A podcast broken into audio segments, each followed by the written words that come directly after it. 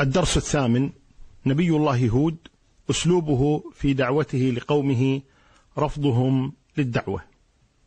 الحمد لله رب العالمين والصلاة والسلام على المبعوث رحمة للعالمين سيدنا وإمامنا وحبيبنا ومولانا وقرة عيننا محمد بن عبد الله وعلى آله وصحابته أجمعين. أما بعد فقد تكلمنا في الدرس السابق عن نبي الله آدم الثاني أو آدم الأصغر وهو نبي الله نوح صلوات الله وسلامه عليه. وسنتكلم في هذه الليلة كذلك عن أول رسول عربي والرسل من العرب أربعة كما جاء في حديث أبي ذر رضي الله عنه أنه سأل النبي صلى الله عليه وسلم عن الأنبياء والمرسلين وذكر حديثا طويلا وفيه أن النبي صلى الله عليه وآله وسلم قال له أربعة من العرب أي الرسل هود وصالح وشعيب ونبيك يا أبا ذر. وهذا الحديث أخرجه أبو حاتم ابن حبان في صحيحه. فكلامنا عن أول هؤلاء الرسل العرب وهو رسول الله هود عليه السلام. هود يرجع نسبه كما اتفق أهل الأنساب إلى سام بن نوح وإن اختلفوا في عدد الآباء أو أسمائهم الذين هم بين هود وسام بن نوح لكنهم اتفقوا جميعا على أنه من ذرية سام بن نوح. ذكر نبي الله هود في القرآن سبع مرات وذكرت قبيلته وهي عاد سبعا وعشرين مرة وهو من هذه القبيلة الذين كانوا يسكنون الأحقاف فهو أخو عاد الذي أنذرهم بالأحقاف. والأحقاف جبال من الرمل في اليمن يقال إنها بين عمان وحضرموت في بلد هناك يقال لها الشحر وهي بلد موجودة الآن في اليمن وهي بلد زراعية. عاد قوم هود من العرب والعرب تقسم إلى ثلاثة أقسام. كما قيل عرب عاربة بائدة وعرب عاربة باقية وعرب مستعربة. هؤلاء من العرب العاربة. هود من عاد وعاد من العرب البائدة. عرب عاربة بائدة. وهناك عرب عاربة باقية وهم كما قيل قحطان وهناك عرب مستعربة وهم عدنان من ولد إسماعيل عليه السلام. الشاهد من هذا أن هذه القبيلة هي من العرب العاربة البائدة ومثلهم قوم صالح وهم ثمود وطسم وجديس هؤلاء كلهم من العرب العاربة البائدة التي لم يبق منها أحد. كانوا يسكنون الخيام ذوات الأعمدة الضخمة. ألم تر كيف فعل ربك بعاد؟ إرم ذات العماد التي لم يخلق مثلها في البلاد. وعاد إرم هم عاد الأولى وأما عاد الثانية هناك عاد الأولى وعاد الثانية. عاد الأولى هم قوم هود. وعاد الثانية قيل هم ثمود قوم صالح عليه السلام وقيل هم من سبأ من قحطان.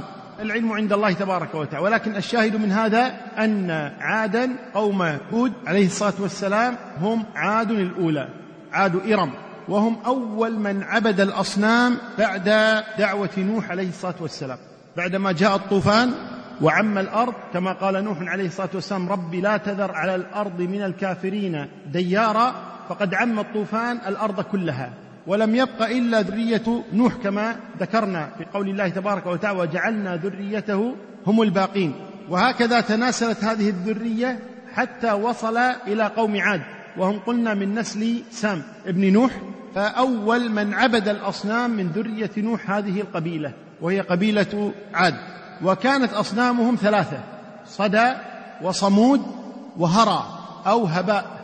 يقال لها هراء ويقال لها هباء. وصدى وصمود.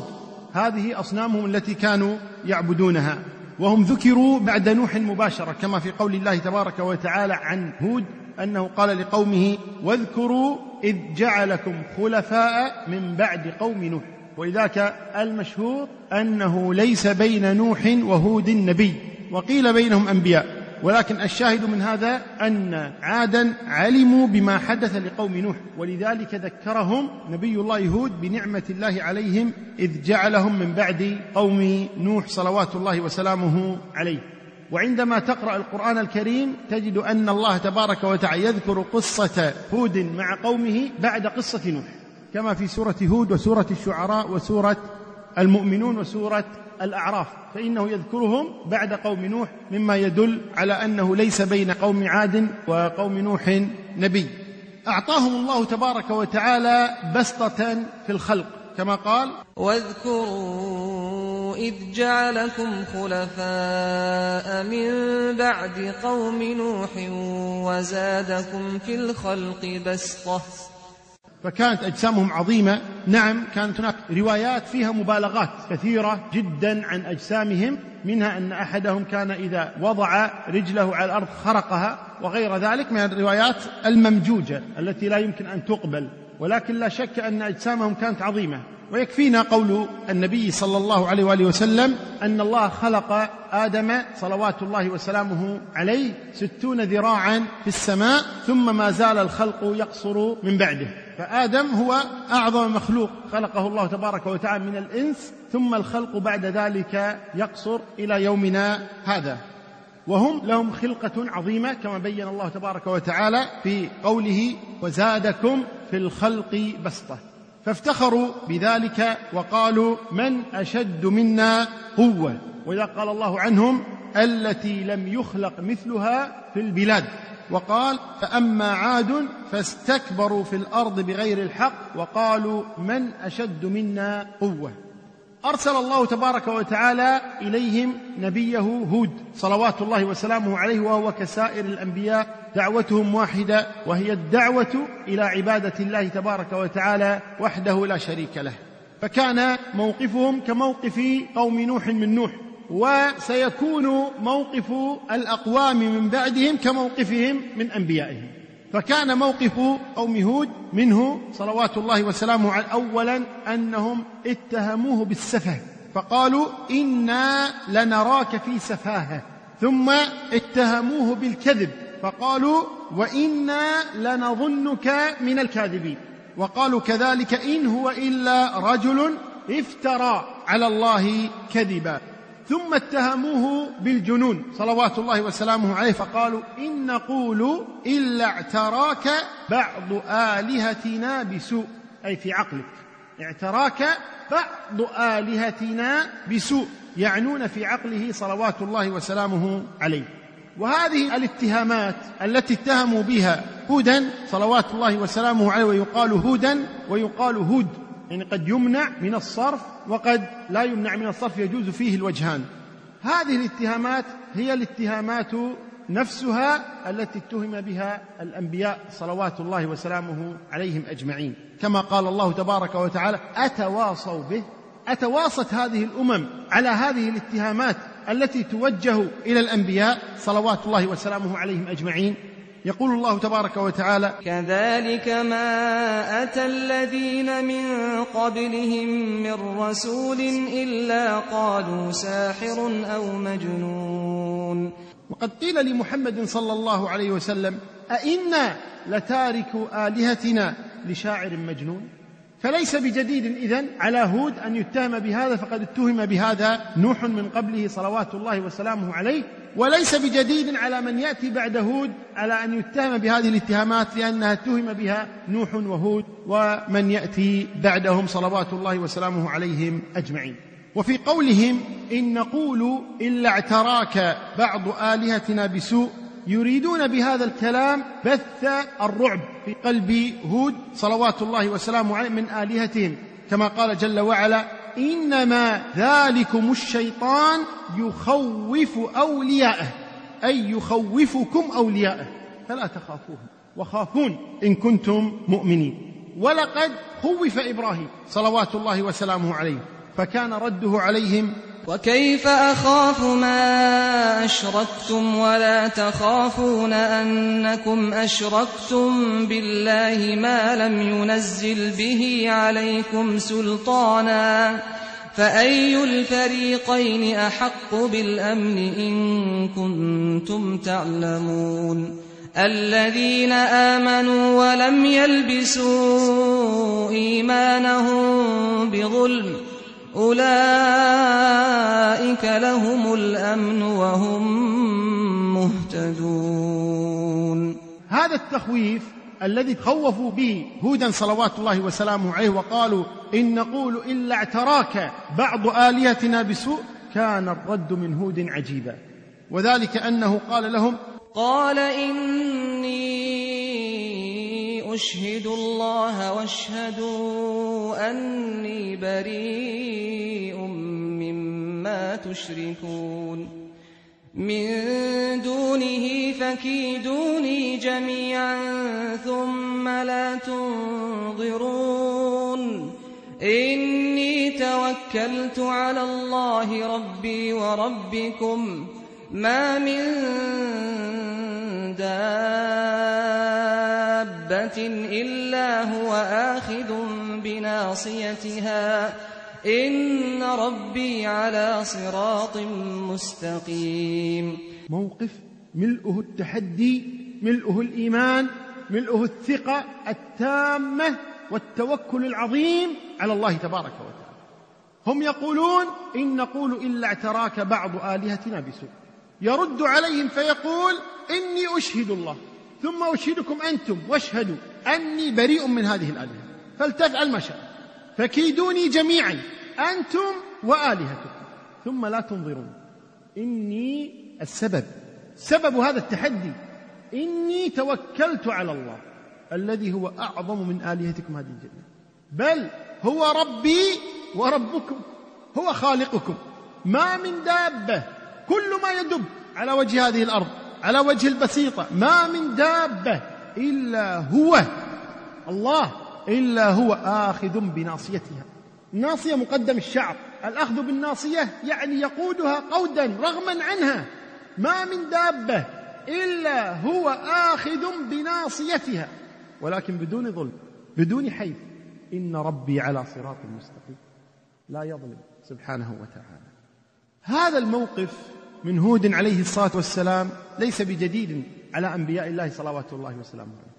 فقد مر بنا موقف نوح صلوات الله وسلامه عليه. إذ قال لقومه فعلى الله توكلت فأجمعوا أمركم وشركاءكم ثم لا يكن أمركم عليكم غمة. ثم اقضوا إلي ولا تنظرون. مر بنا. كيف تحداهم نوح صلوات الله وسلامه وهذا هود يعيد الكرة يكرر ما فعله أخوه.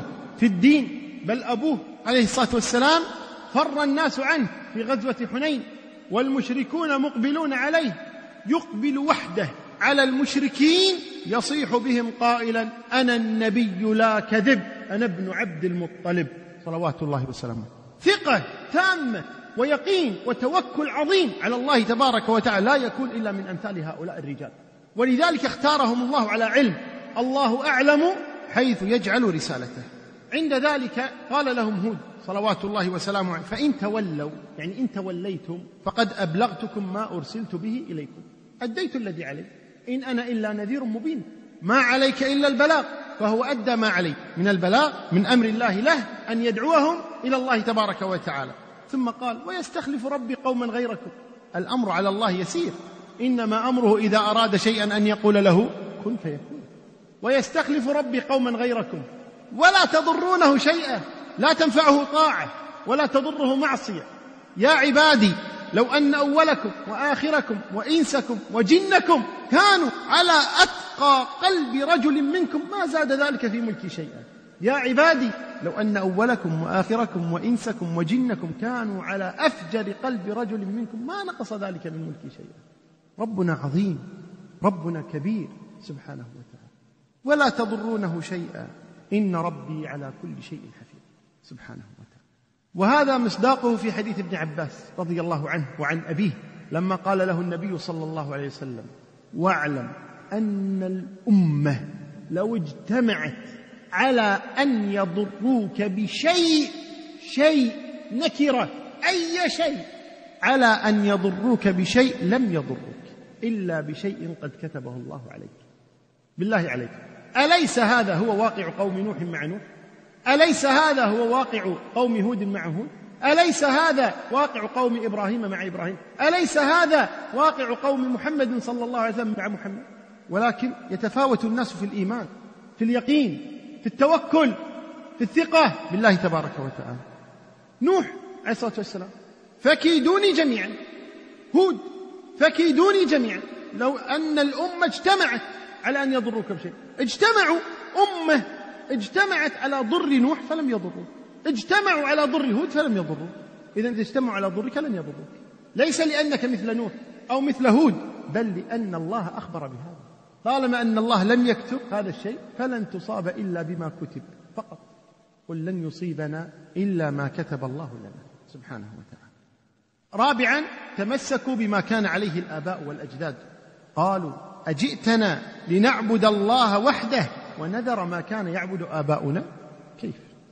أنذر ما كان يعبد آباؤنا لدعوتك أنت؟ لا يمكنها.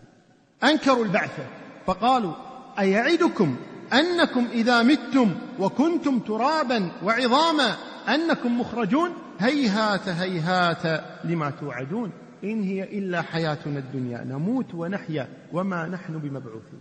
هكذا قالوا أنكروا البعث وهذا كقول من يقول إنما هي أرحام تدفع وأرض تبلع. بس أرحام تدفع أرض تبلع انتهى كل شيء. قيامة حساب جنة نار لا نموت ونحيا وينتهي الأمر كله. كذلك العناد. استخدموا العناد مع هود عليه الصلاة والسلام. قالوا سواء علينا أوعظته أم لم تكن من الواعظين. إن هذا إلا خلق الأولين إن هذا إلا خلق الأولين. وهذا الكلام منهم إن هذا إلا خلق الأولين وما نحن بمعذبين. خلق الأولين أو إن هذا إلا خلق الأولين قراءتان. وكل قراءة لها معنى. إن هذا إلا خلق الأولين أي هذا عادة الأولين. يموتون وينتهي الأمر.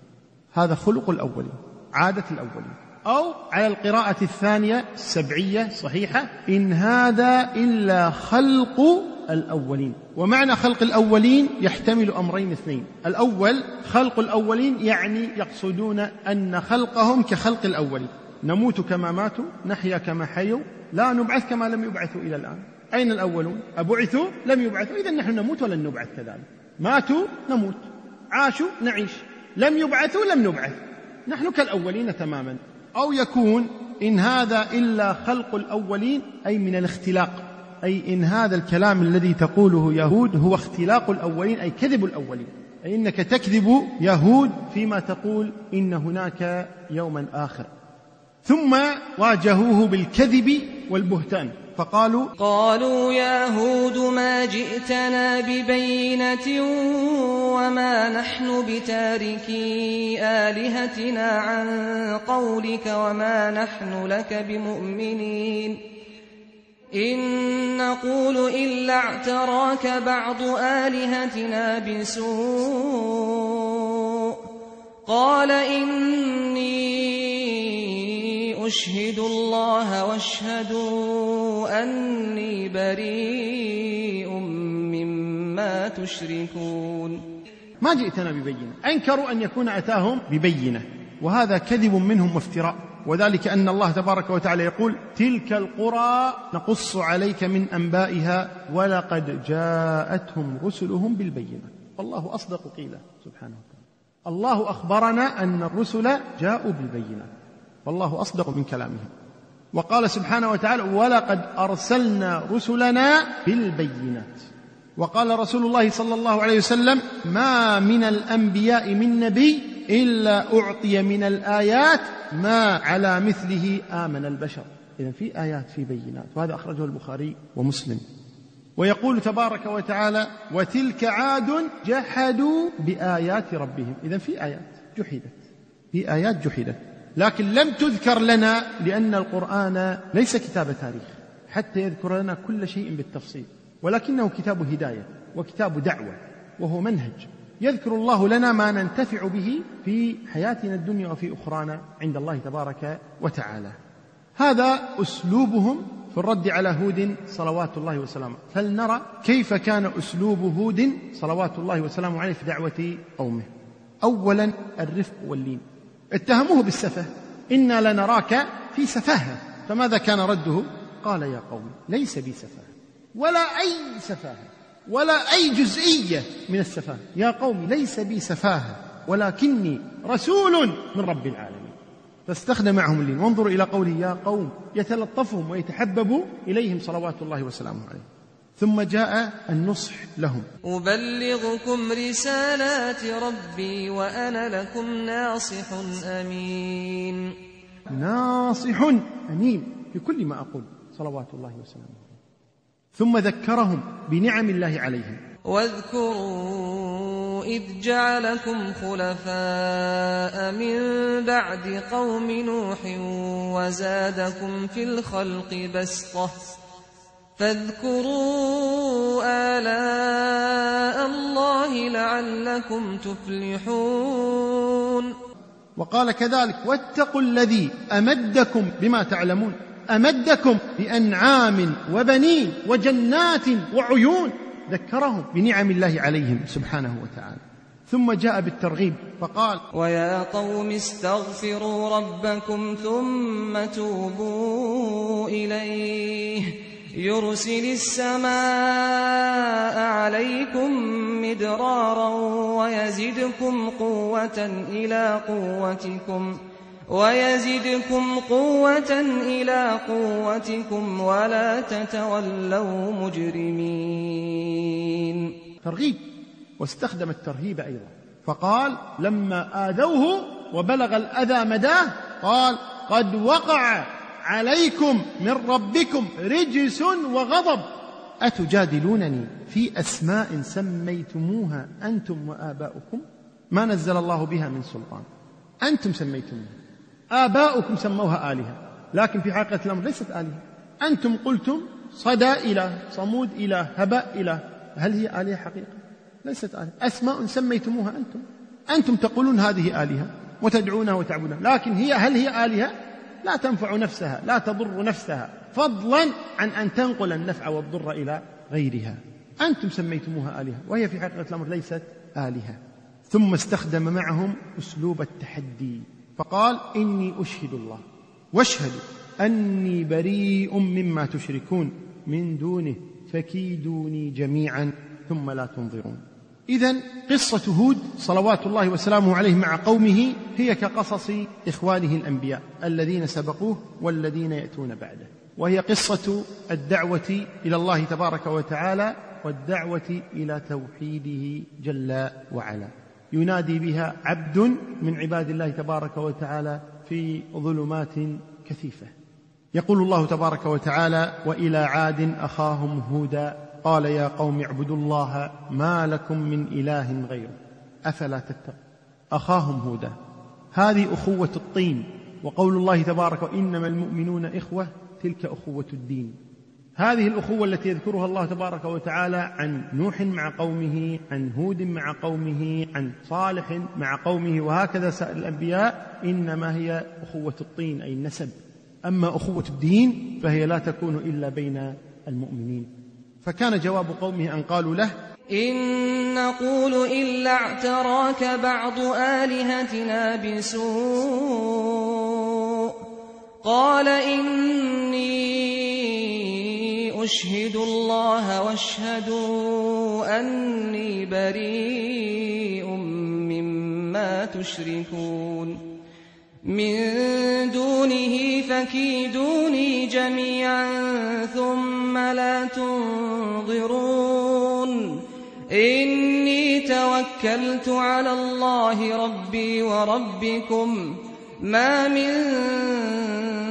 دابة إلا هو آخذ بناصيتها. إن ربي على صراط مستقيم. ثم قال لهم هود أتبنون بكل ريع آية تعبثون وتتخذون مصانع لعلكم تخلدون وإذا بطشتم بطشتم جبارين فاتقوا الله وأطيعون أي تبنون في كل مكان مرتفع بناء عظيما كالقصور ونحوها عبثا آية تعبثون يبنون القصور ولا يسكنونها. يبنون القصور العظيمة ويسكنون في الخيام. عبثا. هكذا. أتبنون بكل ريع أي مكان. آية من الجمال آية من القوة آية من المتانة. لكن عبثا تعبثون وتتخذون مصانع لعلكم تخلدون. عند ذلك كان رد قومه عليه بعد هذه المدة وبعد هذه الدعوة التي لم يذكر الله لنا مدتها. بلغ عنادهم أقصاه فقالوا فأتنا بما تعدنا إن كنت من الصادقين. نسأل الله تبارك وتعالى أن يوفقنا وإياكم إلى ما يحب ويرضى والله أعلى وأعلم وصلى الله وسلم وبارك.